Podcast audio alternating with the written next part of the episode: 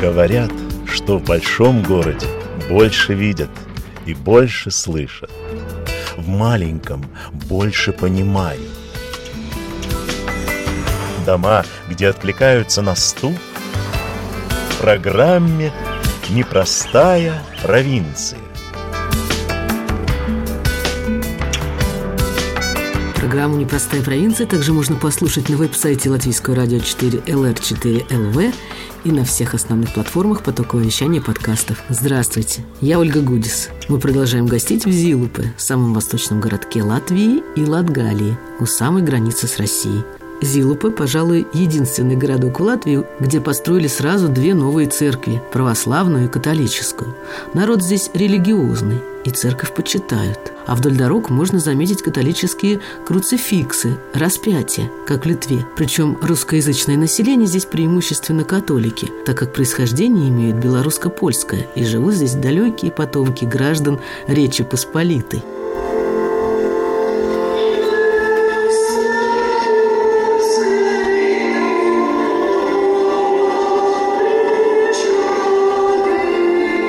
Этот хор – воскресные мессы в храме «Сердце Иисуса». Мессу проводит священник Виталий Филипенок. Кстати, внучатый племянник Ивана Петровича Сырцова, героя моих прошлых программ. Службы отец Виталий выкладывает в Facebook, так что каждый виртуально может на них поприсутствовать.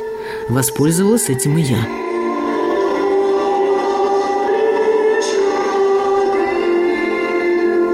костеле службы происходят ежедневно, и священник живет здесь же, в доме рядом с храмом.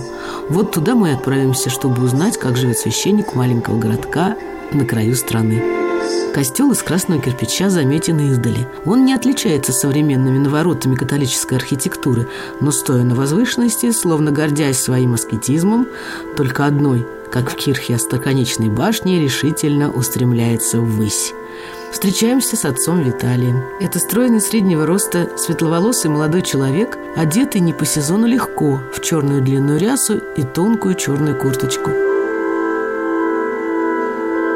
Я отец Виталий Филипенок, служу в Зиловском католическом храме уже четвертый год, а в священстве десятый год. Это мой родной город и родной приход. Так случилось, что я попал в свой родной храм служить. Вначале я служил в Резахне, потом в Прейлях, и потом меня перевели в Зилупе. Ну, это очень редко, когда священник попадает в свой родной приход. Так сложились обстоятельства, просто в то время умер настоятель предыдущий, и был ковид, и я был тот, кто все знал уже здесь. Если бы кто-то был другой, то ему было трудно начать во время ковида вот этих всех ограничений здесь служение. А я как бы уже все знал, людей знал, и мне было легко начать служение здесь. И люди, которые вас знали мальчиком, да, да, да, они да. приходили, и, и как приходят, как и они к этому относятся? Нормально, спокойно. Тот, Пророк в своем отечестве. Нет, я как бы не ставил такие условия, как ко мне обращаться правильно. Потому что знаю, что люди привыкшие, и уже очень трудно что-то поменять. Но и сразу были те, которые перешли официально на «вы», скажем, отец Виталий. А кто-то, кто-то еще по-прежнему называет меня не, ну не так уже напрямую там Виталиком, но говорят наш Виталик. Ну, говорят там между собой где-то. В этом плане я не чувствую сильно каких-то таких преград или какого-то неудобства со стороны. Я никогда не поправляю там вдруг, если кто-то вырвался, как меня раньше называли, обращались ко мне. Я спокойно это воспринимаю, человек тоже понимает, и поэтому он чувствует себя в общении нормально. one. Расскажите немножко о храме этом. Ну, о храме ему в следующем году будет пять лет. Этот новый считается, А, как ну. его осветили. До этого на этом же самом месте был деревянный храм, костел, которым было 80 лет. Старый деревянный храм имел две башни. У него не было остроконечных шпилей, а потому больше походил на костел. История Зилупского прихода и Зилупского храма связана с развитием Зилупы как городом, когда городу дали статус, и город развивался до военное время, 20-е и 30-е годы. Мы знаем, что Зилупа развивалась с строительством железной дороги, и поэтому здесь люди селились, приезжали сюда, была работа и какое-то занятие, и поэтому в свое время дали общинам земли, католические, православные, лютеранские тоже, и строили. И Зиловский храм был так интересно, что когда в Райполе в соседском приходе строили каменный, там был деревянный до этого, построив каменный, деревянный отдали Зилупу. Перевезли, а, перевезли оттуда угу. из Райполя деревянный, его перестроили, расширили, больше башни пристроили. Так служил этот костел деревянный 80 лет. И в 2014 году его снесли, и построили вот теперешний новый. То есть, О, получается... жалко, что снесли, как же так? Ну, разобрали. И ну... куда дели? Распилили, да. На дрова распилили. А нельзя было его как-то то есть надо было прямо уж прямо на этом месте? Да, именно в а том почему? плане, что он как бы уже ветхий был. Сыпался. Был, и епископ принял такое решение, чтобы новый построить. По такому принципу легче построить новый, чем старый ремонтировать. Угу. Потому что он там брай поле уже был ветхий, ну, как говорится, а, ну, уже ясно. деревянный. И эти ну, материалы ну, все. Давайте сядем. Да, да, да. да можем, Главное, да, тоже да. стоять. Не, ну, можем сесть. Каждый на подушечку. Ну да, да.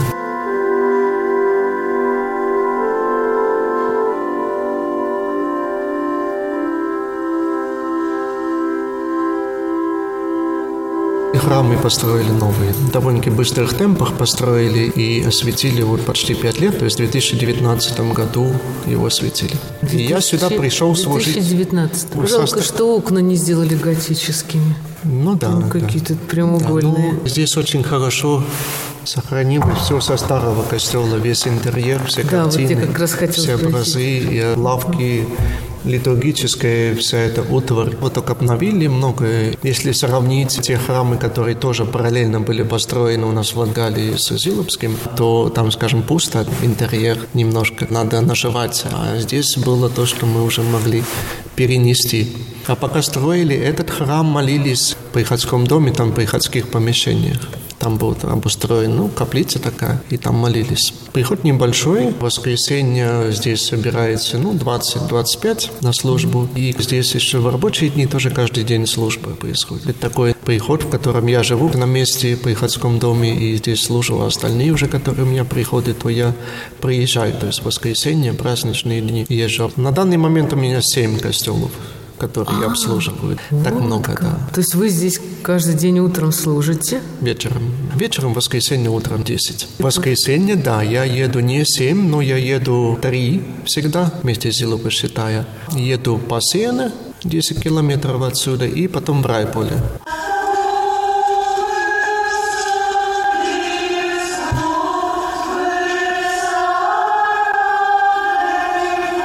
Это чудесное песнопение акапелла уже из Райполы.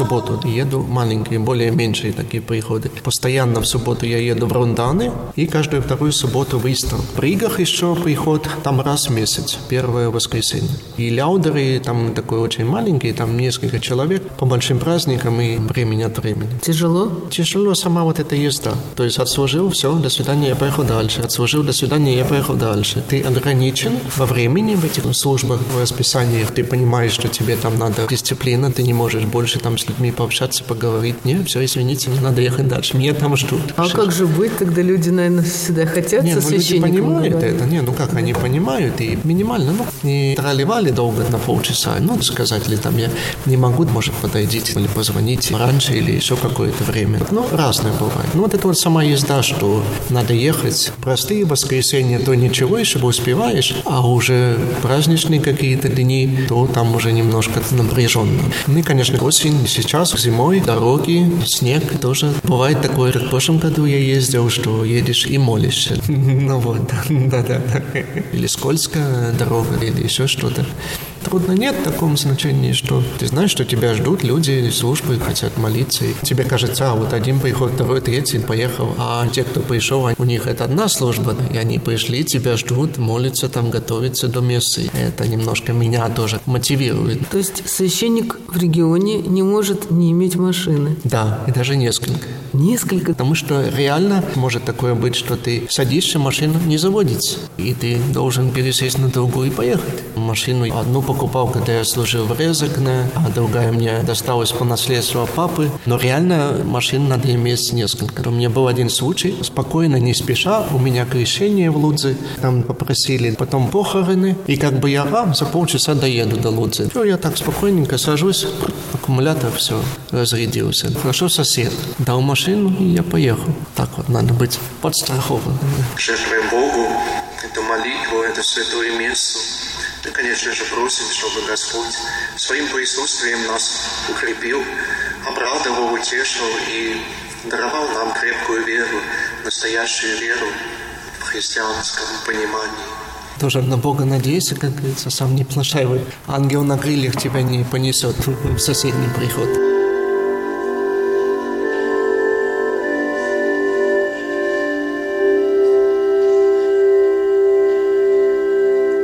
Мы сейчас внутри храма. Прямо на нас сверху, из глубины алтаря, с большой вертикальной иконы, словно движется Христос с распростертыми руками.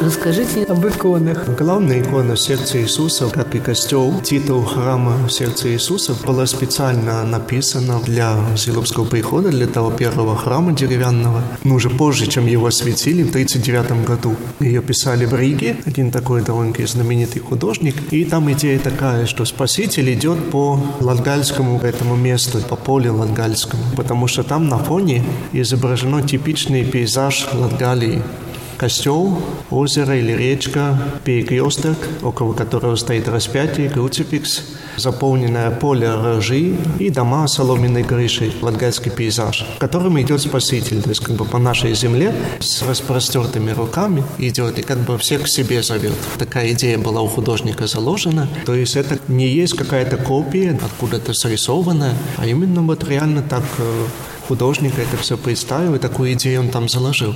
Титул сердца Иисуса – это уже в нашей католической традиции Спасителя, это любовь Божья. Не просто физическое сердце, а вот именно любовь Божья. Ну и здесь боковые – это Лордская Дева Мария Божья Матерь. В Лорде во Франции было явление в свое время Девы Марии. Она явилась одной девочке. Эта девочка тоже изображена, и Девы Марии. Кто автор, неизвестно, и даже трудно сказать год написания. Но она не так старая, и по исполнению не старая. Центральный точно знаем, потому что есть описание до военном журнале. А там сбоку это образ святого Антония Падуанского. Наш католический такой святой 12 века, и там его вот образ такой, как он с Христом, ему тоже Христос как младенец Иоаннец явился. Антоний был монах, большой проповедник, милосердный, заботился о бедных. И он на самом деле в католической церкви такой популярный, как если бы мы сказали православный святой Николай Угодник. Во многих костелах, почти в каждом есть святой Антоний. Святой Антоний – покровитель, ну не знаю, можно ли так сказать, утерянных вещей. То есть, если ты что-то потерял, молись до святого Антония, он тебе поможет найти. Не обязательно, скажем, материальные какие-то вещи. Материальные тоже сто процентов ключи, там, не знаю, еще что-то, документы. Это вам поможет найти. А и что-то такое с духовным связано тоже. Если что-то потерял, молись поможет найти. Ну, а эти маленькие... Маленькие, путь... это тоже в нашей да? католической традиции крестный путь. 14 остановок. В древности тоже было популярное паломничество в Святую Землю, по тем местам, где Христос шел, страдал. А потом не все люди могли посетить эти вот места, все остановки на Святой Земле, и поэтому образовалось, что в храмах были вот такие изображения крестного пути, и где молимся Великий пост – есть такие богослужения крестного пути. Не надо путать, скажем, крестный ход и крестный путь. Это разные вещи. Крестный путь – это вот именно нашей католической традиции. Великий пост, когда больше страдания Христа размышляем, то тогда вот есть перед каждой остановкой, перед каждым образом такие молитвы, гимны, песни, и идем дальше. Идем, идем, идем. Крестный путь. И на месте молимся или с крестом, идем тоже под этими иконочками останавливаемся. Они тоже разные бывают, размеры и так далее. Субботу вошел Иисус в синагогу и учил. И дивились его учению. Ибо он учил их как власть имеющий, а не как книжники. В синагоге их был человек, одержимый духом нечистым, и вскричал, «Остап, что тебе до нас, Иисус Назарянин? Ты пришел погубить нас. Знаю тебя, кто ты, святый Божий». Но Иисус запретил ему, говоря, «Замолчи и выйди из него». Тогда дух нечистый, сотрясший его и скричав громким голосом, вышел из него. И все ужаснулись, так что друг друга спрашивали, что это?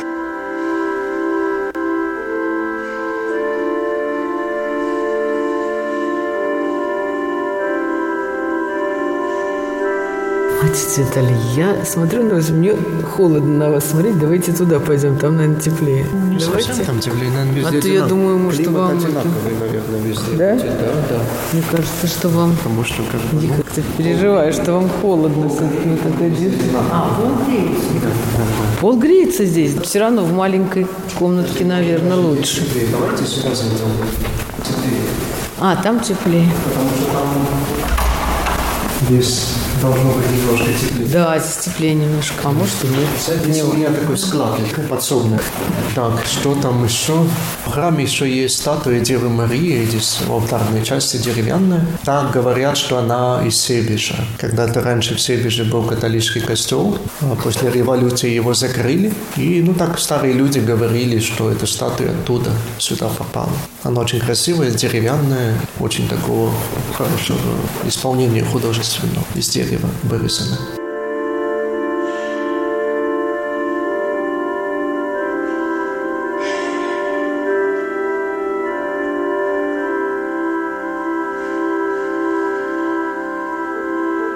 И самый главный вопрос, как же вы стали священником? Как вы пришли к Богу? Ну, священником стал, ну, так и стал, да. Но какие факторы, С- может, влияли? В детстве, да, я прислуживал. Да, я был министрантом, то есть прислуживал здесь. Да? Я А родители привели вас? Не, ну в семье не было чуждо христианской традиции, обычаи. Все мы были католиками, праздники соблюдали, как говорится, и все эти традиции, обычаи. Вот, но чтобы такое что-то как бы осознанное, то, в принципе, у меня все началось с того, что я начал здесь прислуживать. В то время был молодой здесь тоже священник активный, и который меня пригласил прислуживать. Тоже на приходы мы ездили, я им помогал по хозяйству, там еще что-то. Как бы я видел священника не со стороны в облачении, только а видел в жизни, и в шортах, и в майке, и в общении, и в работе, и так далее. Что интересно, что священник, он не играет роли. Ну, как в театре, что вот я пришел, облачился, оделся, я помолился, я священник, а потом я снял, я как бы все, извините, я не священник. Или же я с 8 до 5 священник, а потом, то есть меня не беспокойте. Он все время священник. То есть тот же такой простой человек, ну, как и любой человек, и то, что имеет вот эту веру Христа, и все это во время богослужения так проявляется, то есть он служит, совершает месс, а в жизни так проявляется. То есть как бы это что-то такое настоящее, аутентичное, не Постоянно. сыгранное, не Постоянно показанное, совершенно. да, то есть вот он есть, он настоящий. В то время это было в какой-то степени нормально, что были такие какие-то там учителя народные, они собирали вокруг себя учеников, тоже учили, ходили, объясняли, знаете, были авторитетами такими. Их было много. Не было такого, что Иисус Христос явился один такой, да. Он как бы стал тоже вот среди таких учителей в один ряд, но все понимали и видели, ощущали, что он другой. Он не такой, как эти все остальные учителя со своими учениками и последователями. Он другой. Ну, наверное, для меня, как для священника, как комплимент, да, это то, что если кто-то мне скажет, вы настоящий. А прислуживать я начал где-то, наверное, так, 13-14 лет.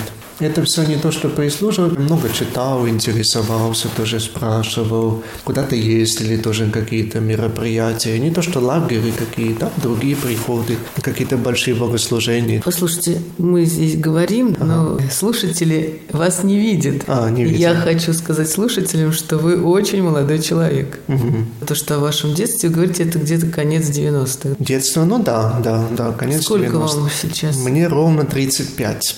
Тогда не конец 90-х, а начало 2000-х. Ну, 2000, ну да, наверное. Не, ну я 88-го года рожден. 88-го. Подростковый возраст – это уже 2000 Второй, третий, наверное, так уже как бы середина 90-х, уже осознанное детство. А и тогда после школы на Зиловской средней я пошел в семинарию. В Риге? Да, в Риге. В Латвии у нас одна духовной семинарии в Риге, да, на Католиела.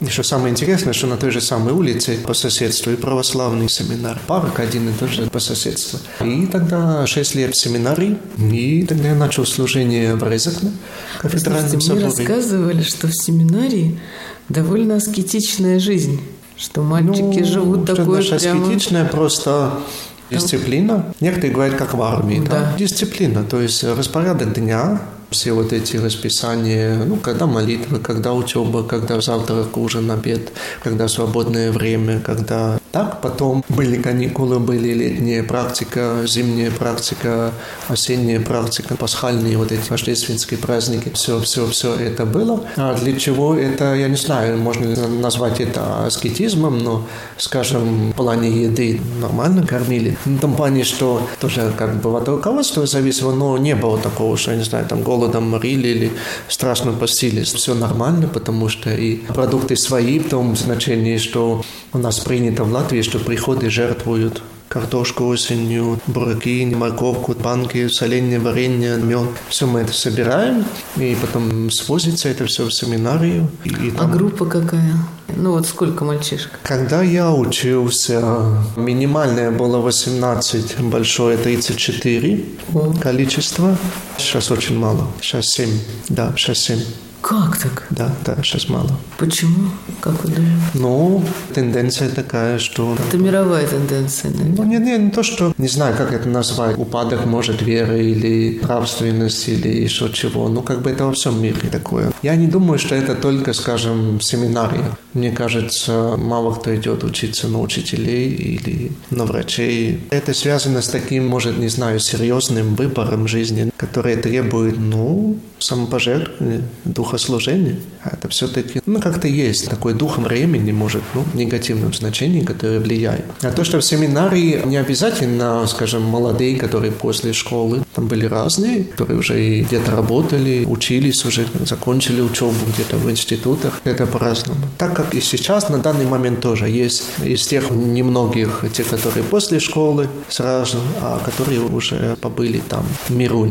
Евангелист говорит, что позиция Христа как того, кого есть власть. Если все другие учителя, там старейшины, книжники, они когда учили, объясняли, они ссылались на авторитет Святого Писания, каких-то, может, тоже знаменитых наставников того времени, да, тоже авторитетов. Они вот ссылались на кого-то другого. А Христос, Он не ссылается вот в таком значении. Он говорит, учит, и будто вот это Он сам да, вот является этим авторитетом, и он сам вот это Слово Божье открывает, дает человеку.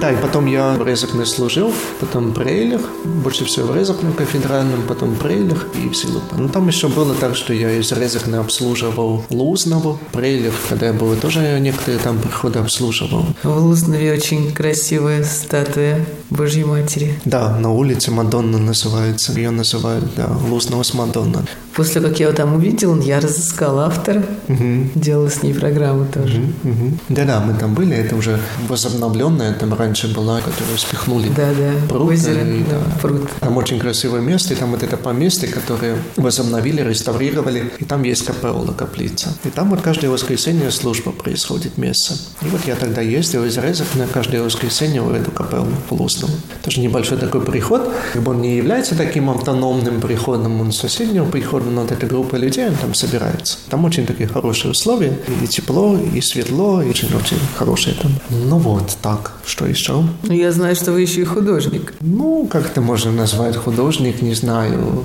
по дереву, который увлекается, или хобби по дереву, или красный деревщик, не знаю, это можно по-разному назвать, наверное. Да, это меня сопровождает, и А где у вас мастерская? да, мы сможем сходить туда. Пойдемте. Давайте, там будет очень тепло. Да. Пошли. Только там не будет где сесть. Ничего, постоим ради такого дела. Да, давайте тогда. Пойдемте, я сейчас тогда выключу все, и тогда мы пойдем туда, да. Но до мастерской мы пока не дошли. Здесь как бы небольшая такая библиотечка приходская. Можно взять книжечки, почитать. Здесь как букеты делают, цветы, там что-то такое. База меняется. Орган есть у вас Электронные. на втором Можно этаже? подняться наверх. Играете? Я играть не умею, но я нажму, да, на клавишу. А кто играет? А. такая. У нас есть местная музыкальная школа преподает, а она закончила курсы органистки Екатерина Матюшенок. Можно в Резекне у нас закончить курсы органистов. Так, пойдем наверх там. Слушайте, ну а что этот священник, с которым вы дружили, помогали, который служил? Сейчас он служит в Даугавпилсе в новом костеле. Айгарс Бернанс. Когда я начал прислушивать, он был тоже молодым. Только-только как бы Но сейчас тоже не пожилой. Он, получается, наверное, меня старше на 11 лет.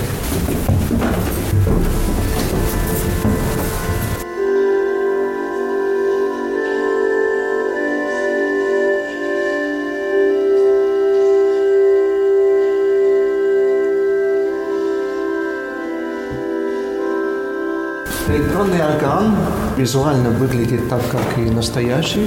Клавиатура такие ноги. Ножная это где ногами играется. Ну а там просто все электронное и звук он как бы издает электронно. Не каждый может играть на органе, даже электронно. Потому что там надо знать свои эти все нюансы, способы исполнения. И тому это такое интересное, то, что эти ноги, да, ногами тоже играются. То есть и руками, и ногами. Ногами. Подожди, что ногами не идет? А что-то надо что-то включить. А, вот. Вот ноги. То есть, смотрите, видите, как органист даже одевает специальную обувь, то есть другую, очень удобную. Не во всякой обуви надо чувствовать э, все эти... Ты не смотришь туда, да, а нужно...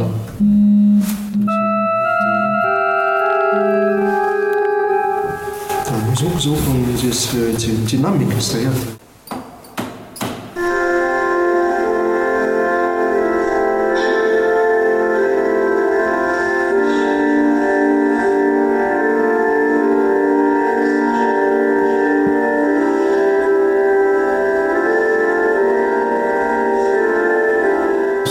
Инструментами, с ножами.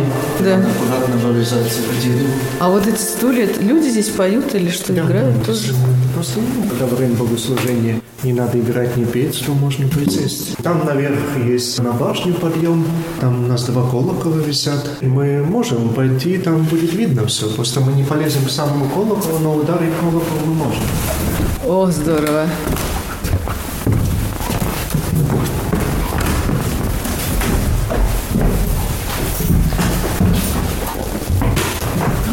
Здесь светло. А то вы везде включили свет. А, мы не сможем посмотреть. Не, мы не посмотрим. Это, это- Хорошо. Мы не на башне, лишь. башня вон Ну там дальше. ладно, здесь холодно, Дальше кстати. лестницы. А после здесь у нас веревки опущены вниз. Что интересно, что один из колоколов, он очень старый, старше, чем Сизиловский старый новый костел. И он в свое время был на Пасинском храме. Этот колокол охраняется государством. И датируется, там дата есть, 1777. Да. Ничего себе. Да, да. Просто в свое время Первой мировой войны он упал с Пасинского храма, когда там был обстрел. И тогда, когда в Зилове построили новый, тогда пасинцы, который был упавший, подарили. Но они немножко его подправили, подремонтировали, и он висел на старом деревянном Зиловском, и теперь его повесили на новый. Да, ну он такой вот, сейчас я могу даже ударить.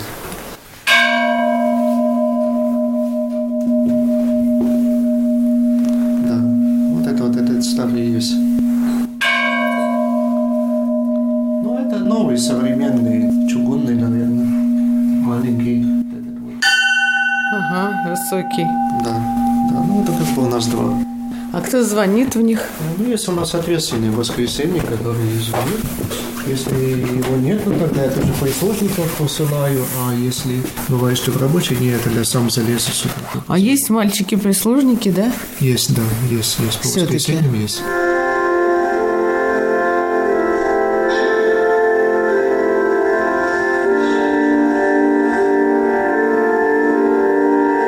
Сегодня в Зиловском католическом храме Сердца Иисуса мы познакомились со священником отцом Виталием Филипенком, который своим служением опровергает пословицу «в своем отечестве не пророк» и считает для себя высшей наградой, если про него скажут «он настоящий». Продолжение следует. Благодарю за помощь в создании латгальского цикла программ Ирину Антонову, журналистку газеты «Лудзес Земе». С вами была «Непростая провинция», редактор компьютерного монтажа Инга Бедела, автор программы Ольга Гудис. Если вам понравился этот подкаст, порекомендуйте его своим друзьям и поделитесь им в социальных сетях. Нажмите сердечко или поставьте пятизвездочную оценку платформе, на которой вы нас слушаете. Спасибо. Всего вам доброго. До встречи через неделю.